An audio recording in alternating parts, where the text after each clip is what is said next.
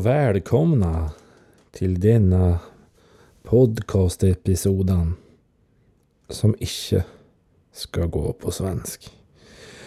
Jeg skal kjøre min vanlige dialekt. Eh, I dag eh, tenker jeg faktisk å starte med høytlesning. Fordi Ja, det er jo ikke grunnen, da, men det er faktisk eh, verdensdagen for høytlesning, eller hva det heter. Så her kommer mitt bidrag. Forfatteren eh, deler mitt siste etternavn, har òg to fornavn, og vi eh, deler foreldre. Ha. Så hun er Forfatteren er hun, søsteren min.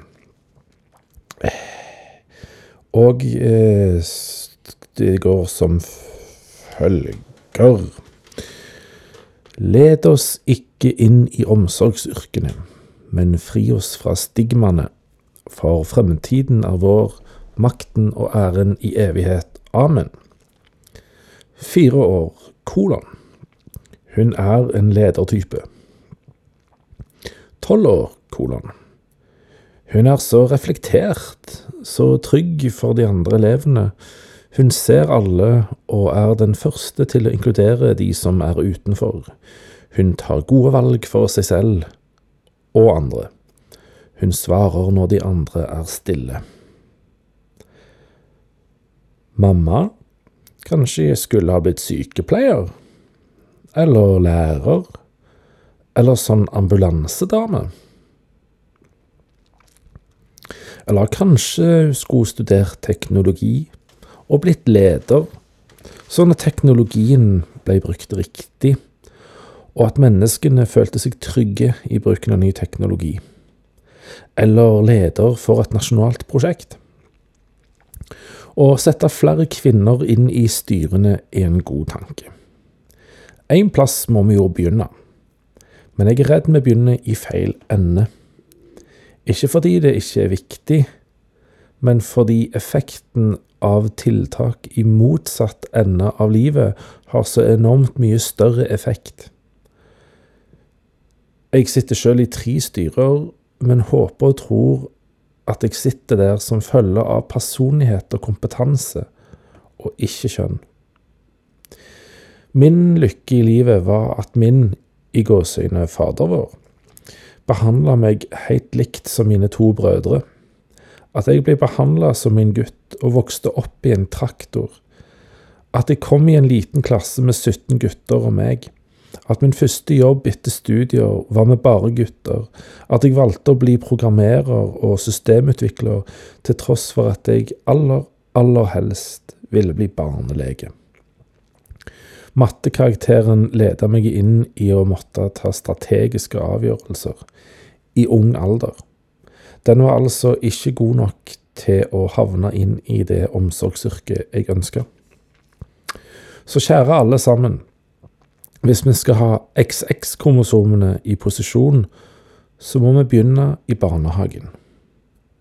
Hvordan skal ei jente på seks år forstå at hun er et naturtalent i ledelse? Hva karakter sier noe om det? Orden? Oppførsel? Ikke et eneste sted på noe som helst punkt får barnet tilbakemelding om dette.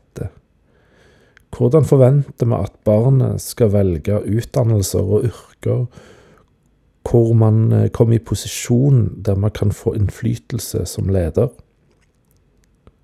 Det er meg et stort mysterium at menneskets tidligfase ikke er like viktig som et utbyggingsprosjekt i tidlig fase, når alle lederne så fint sier It all starts with people. Vi vil ha flere kvinnelige ledere. Vi har jo mista 60 allerede før de er seks år. Hvordan tror vi at vi skal få til dette uten å drive med talentutvikling og få det inn i barnehage og skole? Så kjære studieveileder, kunnskapsminister, læringslivsleder, investor. Se for deg hva som kan skje om Ingebrigtsen-brødrenes bragder kan overføres til å være tre jenter som endrer verden, fordi noen så talentene og utvikla en metode for å løfte de fram. Jeg vil påstå at det er bærekraftstiltak nummer én. Bruke litt mindre tid på oljeskam, klimaangst, og begynne med å få et jentebarn til å innse at det kan være trygg for andre mennesker å ta gode valg for seg sjøl og andre er nøyaktig den medisinen som verden trenger akkurat nå. Og for øvrig, det er egenskaper som er helt aldersuavhengige. De må bare fremelskes og settes inn i en struktur fra barnehagen. Til slutt, ikke et eneste 8. mars-arrangement er for barn. De får ikke vite engang de får, de får ikke engang vite om dagen på skolen. Det brukes ufattelige summer på å promotere logoer og bærekraft den 8. mars, men ikke et eneste minutt brukes på de menneskene som om noen få år tar, sine tar sine livs viktigste valg. Valg av yrke og valg av livspartner. I fjor spurte jeg skolesjefen, i år spør jeg oss alle, for barna bor jo ikke hos skolesjefen. De bor hjemme hos mor som arrangerer 8. mars-event, og hos far som deltar på 8. mars-foredraget på jobb.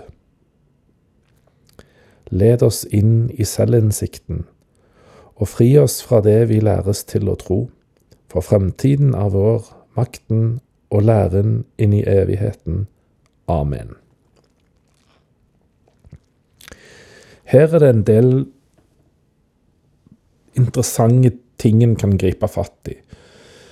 Ja, det er lett å gå i reaktivt og tenke det er helvetes 8. mars-greiene og kvinnes sak og fuck bærekraft det, det, Ja da, du kan gå apeshit på mye her.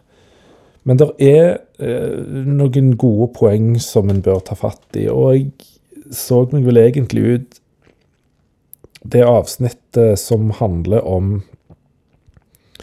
eh, det med et mysterium at mennesker Eh, i tidlig fase ikke er like viktig som et utbyggingsprosjekt i tidlig fase.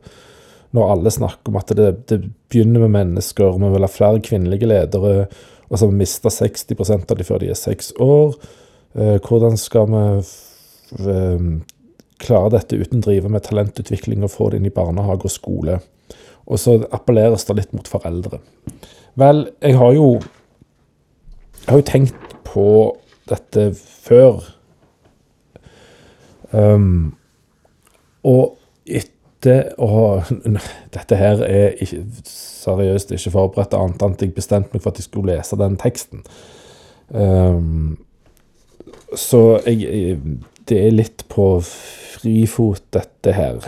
Um, altså, i, i, gjennom min skolske karriere til nå, så har jeg blitt mer bevisst på hva veilederrolle jeg kan innta når jeg ikke er en studieveileder. Um, fordi jeg ser jo elevene, iallfall i de, de klassene jeg har ofte, men, men egentlig òg de elevene jeg har, ser jeg oftere enn det rådgiveren gjør. Rådgiveren ser de stort sett når de er inne til samtale. Uh, og det blir litt oftere i løpet av tiende, ikke så ofte i løpet av åttende og niende. Og så har jeg da eh, med tida begynt å tenke mer I stedet for at det skal være yrkesveiledning, så skal det jo være jeg vil si mer enn i studieveiledning òg. Hva egenskaper har dette unge mennesket? Og, og, da tenker jeg ikke faglig, jeg tenker som menneske. Hva er det jeg ser? Fordi jeg skal jo bidra til um, si, menneskeutvikling, menneskeforedling. Um, fordi tross alt skolens viktigste oppgave ligger i læreplanens overordna del og i opplæringslovens første paragrafer, der det står noe om hva hele poenget med skole er. Det handler om eh, kristen og humanistisk kulturarv. Eh, det handler om å åpne øyne for verden og livsmestring osv. Og det skal jo være fra første dag i første klasse, og så er det også en rammeplan for barnehagen, der det òg ligger et verdigrunnlag. Eh, og da skal en jo selvfølgelig både ta på alvor at elevene har et biologisk kjønn, og ungene har et biologisk kjønn, men du skal òg ta på alvor at eh, ferdigheter driter egentlig i kjønn. En god leder kan ha hva som helst mellom beina. Det kan ha hva som helst eh, størrelse på BH-en, eller ikke ha BH. Om det har kjole eller jeans. En god leder har ingenting med det å gjøre. En god kunstner, fotballspiller, det har ikke noe med saken å gjøre. Jo da, å springe en 100 meter, men det er ærlig talt viktig i de ti sekundene den pågår. Så who gives a flying fuck anyway? Så vinkler du over på da hva evner har du? Hva betyr det eksempelvis når alle nevner det samme navnet på en elev? Når det er sånn Hvem syns du er trivelig, eller hvem kunne du tenkt deg å sitte sammen med? Hvem syns du er ålreit å jobbe sammen med? Jo, det forteller noe om at eh, den har noen verdier som handler gjerne om inkludering og sånn. Ja, du er en veldig inkluderende person. Kanskje du har godt av å jobbe i eh, Eller ha yrker der du jobber med og blant mennesker og kanskje det òg er det for og, Hvis mange har lyst til å jobbe med deg samtidig, kanskje det er fordi du òg har gode lederevner. Der kommer det inn, da. Men er det bare skole og barnehage som skal tenke den retning og se det litt mer overordna, litt mer generelt? Eller hm, det er et dumt spørsmål, selvfølgelig. De er jo lederne. Eller skal andre òg? Skal kanskje foreldre gjøre det? Yes, but of course.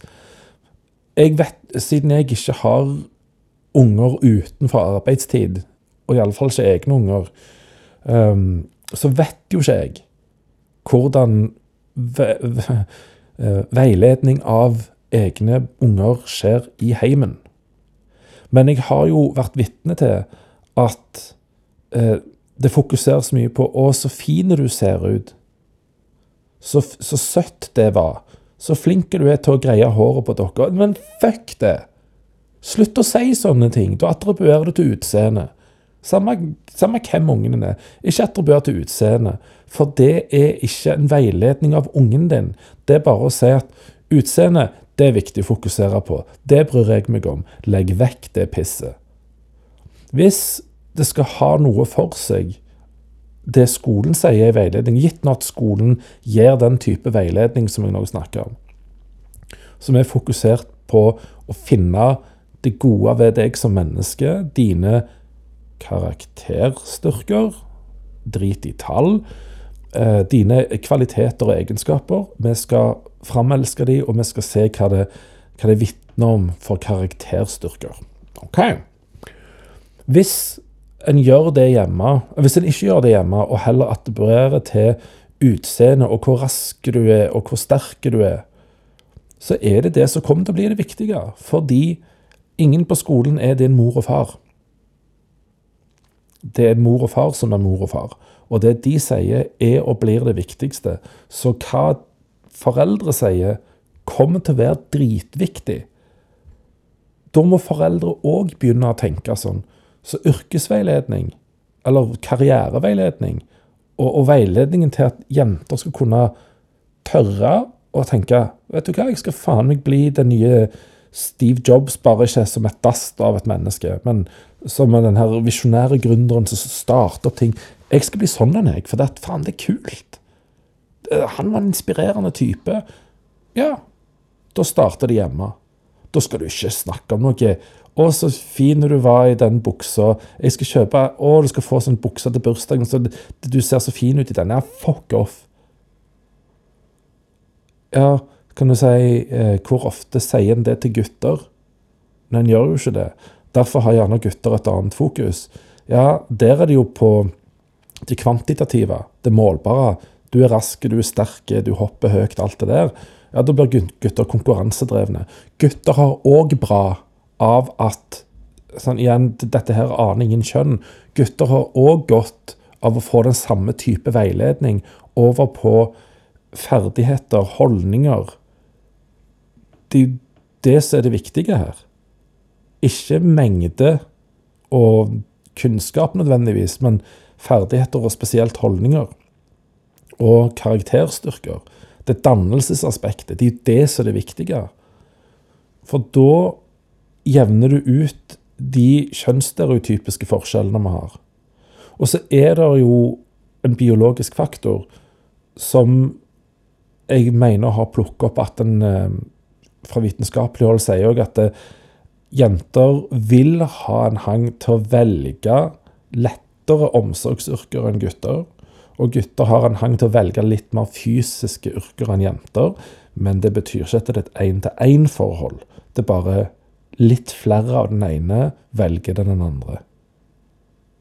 Men en god veiledning til, hva retning vi skal gå, for å ikke lede oss inn i eh, sånn passiv opprettholdelse av diverse kjønnsroller og kjønnsmønster Eller kjønnsmønster? Kjønster. Uh, ulike mønster og tradisjonelle valg. Så, så begynn tidlig, da. Men vet en person som ikke har lederevner, hva det vil si å ha lederevner? Nei, da er det jo ikke så lett for foreldre som ikke har den eh, innsikten, da, eller kunnskapen, kan du si, å kunne eh, bruke ferdigheten veiledning. Der kommer skolen inn. Da skal vi se det. For vi ser ungene i så mange sosiale settinger, eller bør i alle fall. Og vi bør være såpass observante og reflekterte at vi ser hva de har av styrker, og heller basere oss på de og videreutvikle de. Da bruker du mindre tid på det som kan du si er de mindre utvikla sidene. Ehm, og kanskje de blir dratt med uansett i kjølvannet av de positive sidene. De, de fremste karakter, de mest utvikla karaktertrekkene. De blir kanskje utvikla i kjølvannet av det. For først og fremst så er skolen en dannelsesinstitusjon. Og det heter jo tross alt utdannelse. På svensk heter det utbildning. Altså du skal bli et bilde som kommer ut av deg sjøl, og du skal dannes ut av deg sjøl. Det betyr at alt er der allerede. Men hva er det vi voksne rundt ungene velger å forsterke og vie plass og vie fokus? Skal det være kvantitative ting. Eh, det, det betyr, jeg sier ikke at det ikke skal ta noen plass, men hvor mye plass skal det kvantitative fokuset ta? Og hvor mye plass skal det utseendemessige fokuset ta? Klart alle syns det er kjekt å få bekreftelse på eh, mengden du har fått av noe. At 'nå hadde du flest poeng i quizen', eller nå, nå skinte du av, av, med kledning og alt. Og nå så du flott ut. Men hvis det blir gjennomgangsmelodien, den type tilbakemelding, så blir det det du kommer til å søke videre i livet. Da blir du sånn bekreftelsesjunkie som bare må få det. For det er det, du, det som er valutaen din. Da må vi voksne snap out of it og begynne å vise hva som er valuta. Sånn at vi ikke mister 60% av, 60% av seksåringene og eh, jeg vet ikke om det var påpekt om det var 60% av jentene før de er seks år. Har jeg for meg ingenting å si. Hvis vi har mista 60% av kan si, ledertalenter før de er seks år, så er det en tragedie uansett. Um, og blant de 40 som går videre til å bli ledere, betyr det at det, er de beste. det fins noen dass av ledere òg der ute i verden, altså. Så OK. Jeg er enig i essensen av eh, denne kronikken som eh, Søstersen har skrevet. Helt enig i essensen av det. Um, og den er jo basically bare Start med veiledning tidlig. Um, foreldre og skole må gi rett type veiledning. Uh, mindre langt mindre kvantitativt og utseendefokusert. Start så tidlig som overhodet mulig. Og så, eh, bare for å ta Nå hopper jeg litt ut av det sporet, men fremdeles holder meg i et spor som har litt med skole å gjøre. Det var en eller annen pod jeg hørte her tidligere i uka, om det var mandag morgen, og nå er det jo onsdag. Da hørte Jeg tror det var da.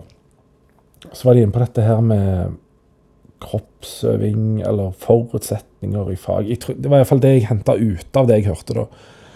Um, og da Nå skal jeg bare lese noe her først OK.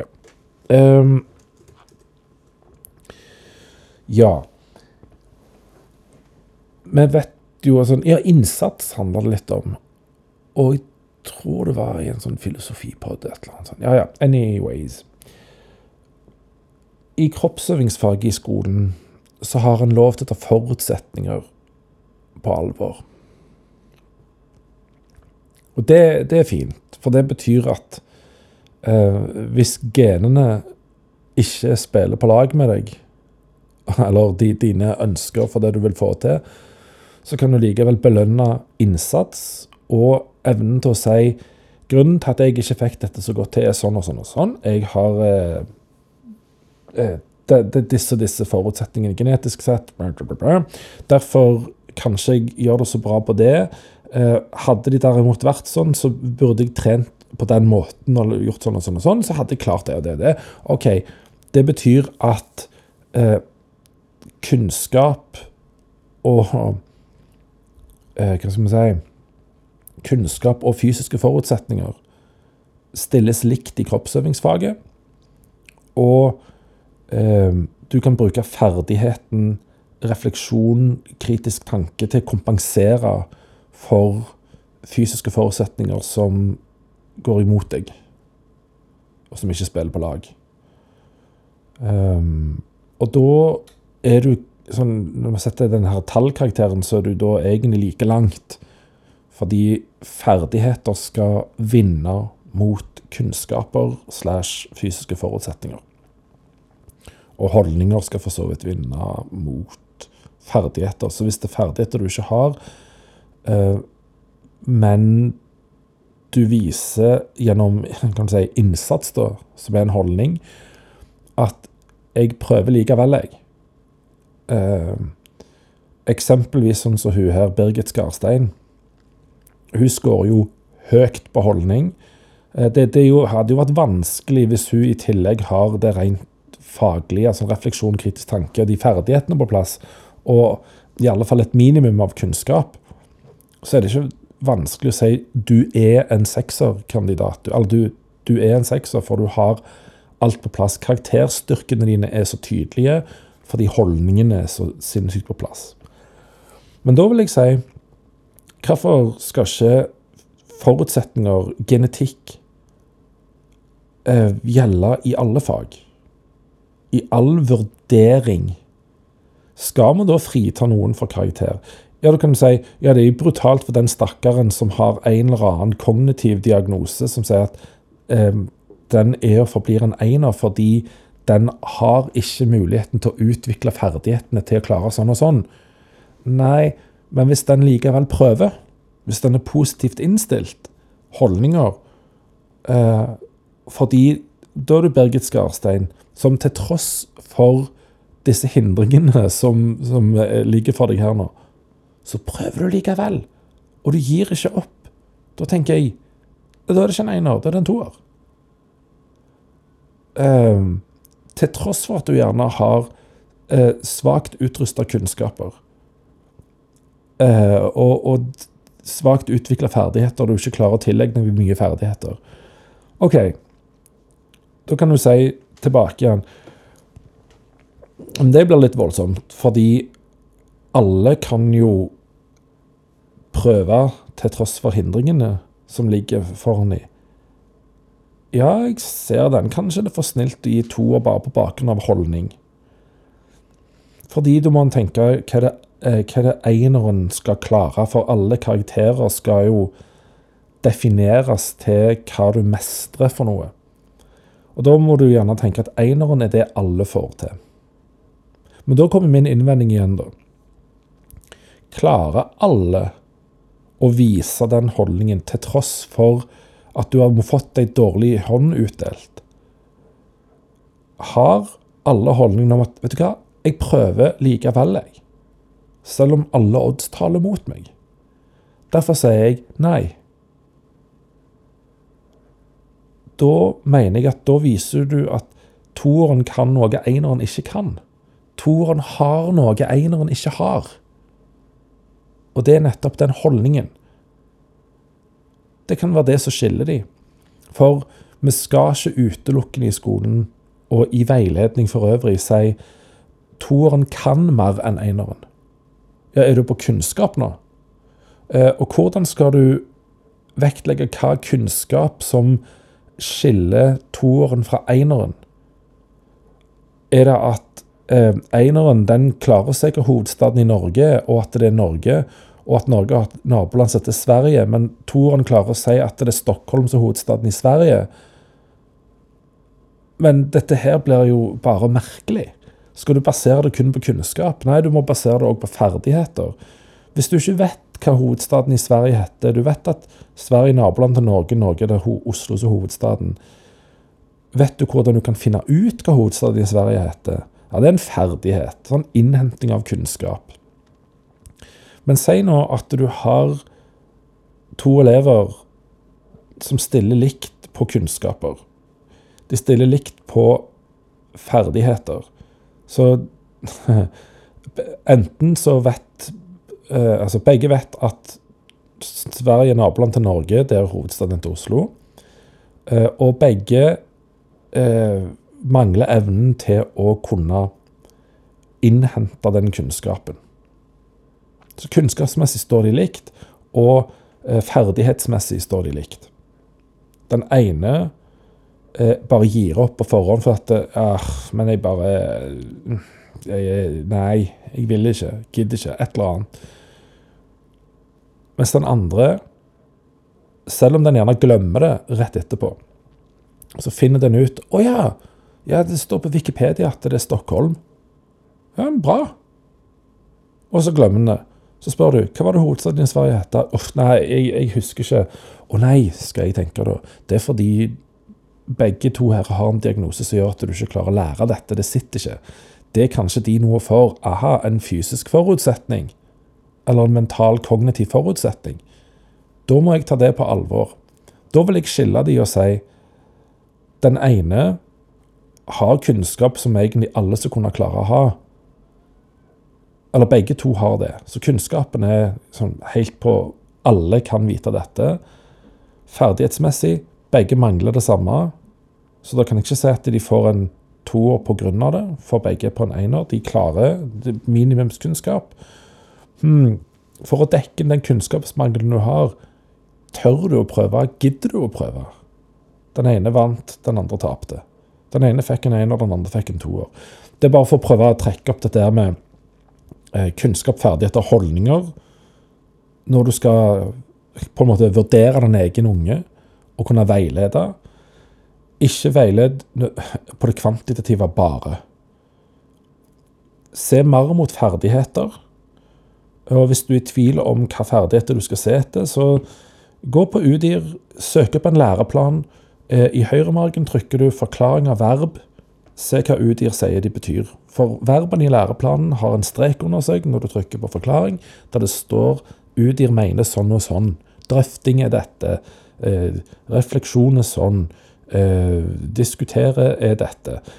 Redegjøre sånn og sånn. Alt står forklart der. Og så er det den holdningsbiten som vi gjør for lite av. Kan det være fordi det er voksne, en del voksne som ikke har et bevisst forhold til egne holdninger, fordi skolen ikke har tatt det på alvor, fordi foreldrene deres ikke har tatt det på alvor? Når skal vi snappe ut av dette her ubevisste, passive greiene da, og tenke OK, men jeg skal i alle fall gjøre dette nå. Jeg skal bli bevisst på holdninger, og hva holdningene sier om deg som type, deg som karakter. For du kan bli den neste lederen. Og da igjen tilbake til fag. Hvorfor skal ikke da fysiske forutsetninger ha noe å bety? For der kan du jo skille en del holdninger, blant annet. Um, elever med, med dysleksi sånn, Kan de få en sekser? Nei, de kan ikke det. De har dysleksi. Det er bullshit. Kan noe med dysleksi lede et land? Um, ja. Hvor mange politikere vi har hatt siden 2000 um, på Stortinget og i regjering og i ministerposisjoner og statsminister har hatt dysleksi, eller som dette, lese- og skrivevansker. Enten generelle eller spesifikke lese- og skrivevansker. Jævlig snilt gjort mot de som har den diagnosen, å gi en et så langt og forferdelig navn. De klarer jo faen ikke å skrive den. Det, det kunne bare hete valgfri bokstav P, eller F. Det er min diagnose. Hva, hva er foreningen for dyslektikere i Norge? PT OK, kult. Eller BN. Ja, OK, jeg forstår hva forening du er med i. Det er ikke for å harselere, liksom snakke ned folk med dysleksi, for de har de samme evnene egentlig som alle andre. Det er bare at akkurat det avkoda bokstaver er fysisk forutsetning. Skal ikke vi ta det på alvor, da, og se vekk fra det som ikke virker, for å se på det som virker, og kunne veilede dem likevel? For tenk hvis den med dysleksi er verdens beste psykolog. For den leser ikke bokstaver så godt, men den leser deg som menneske, som ei åpen billedbok for barn.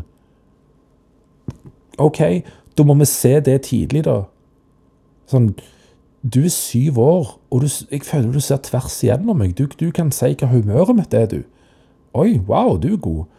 Eller en niåring som er ekstremt flink til å skildre og beskrive. Du har jo forfattertalent. Dette her begynner å ligne på tolken, og du er ni år. Og Hvis du har lest tolken, så forstår du hva jeg mener med, med den sammenligningen. Eller den, eh, det bildet, da. Uh, så jeg mener, ja, vi skal ta fysiske forutsetninger, eller kan du si utgangspunkt, på alvor, uansett hva fag det er. Ikke bare ved å si vi har en diagnose her, men uansett hva forutsetningene er, så skal det påvirke min vurdering av deg, enten jeg er pedagogen til, et, til en unge, eller om jeg er faren eller mora, eller eh, kjønnsnøytralt foreldreord for en eller annen unge. Så skal jeg kunne vurdere den holdningsmessig, ferdighetsmessig og kunnskapsmessig, der kunnskap tillegges mindre vekt, ferdigheter mer og holdninger enda mer. For å være riktige holdninger så kan du utvikle ferdigheter og tilegne deg kunnskap.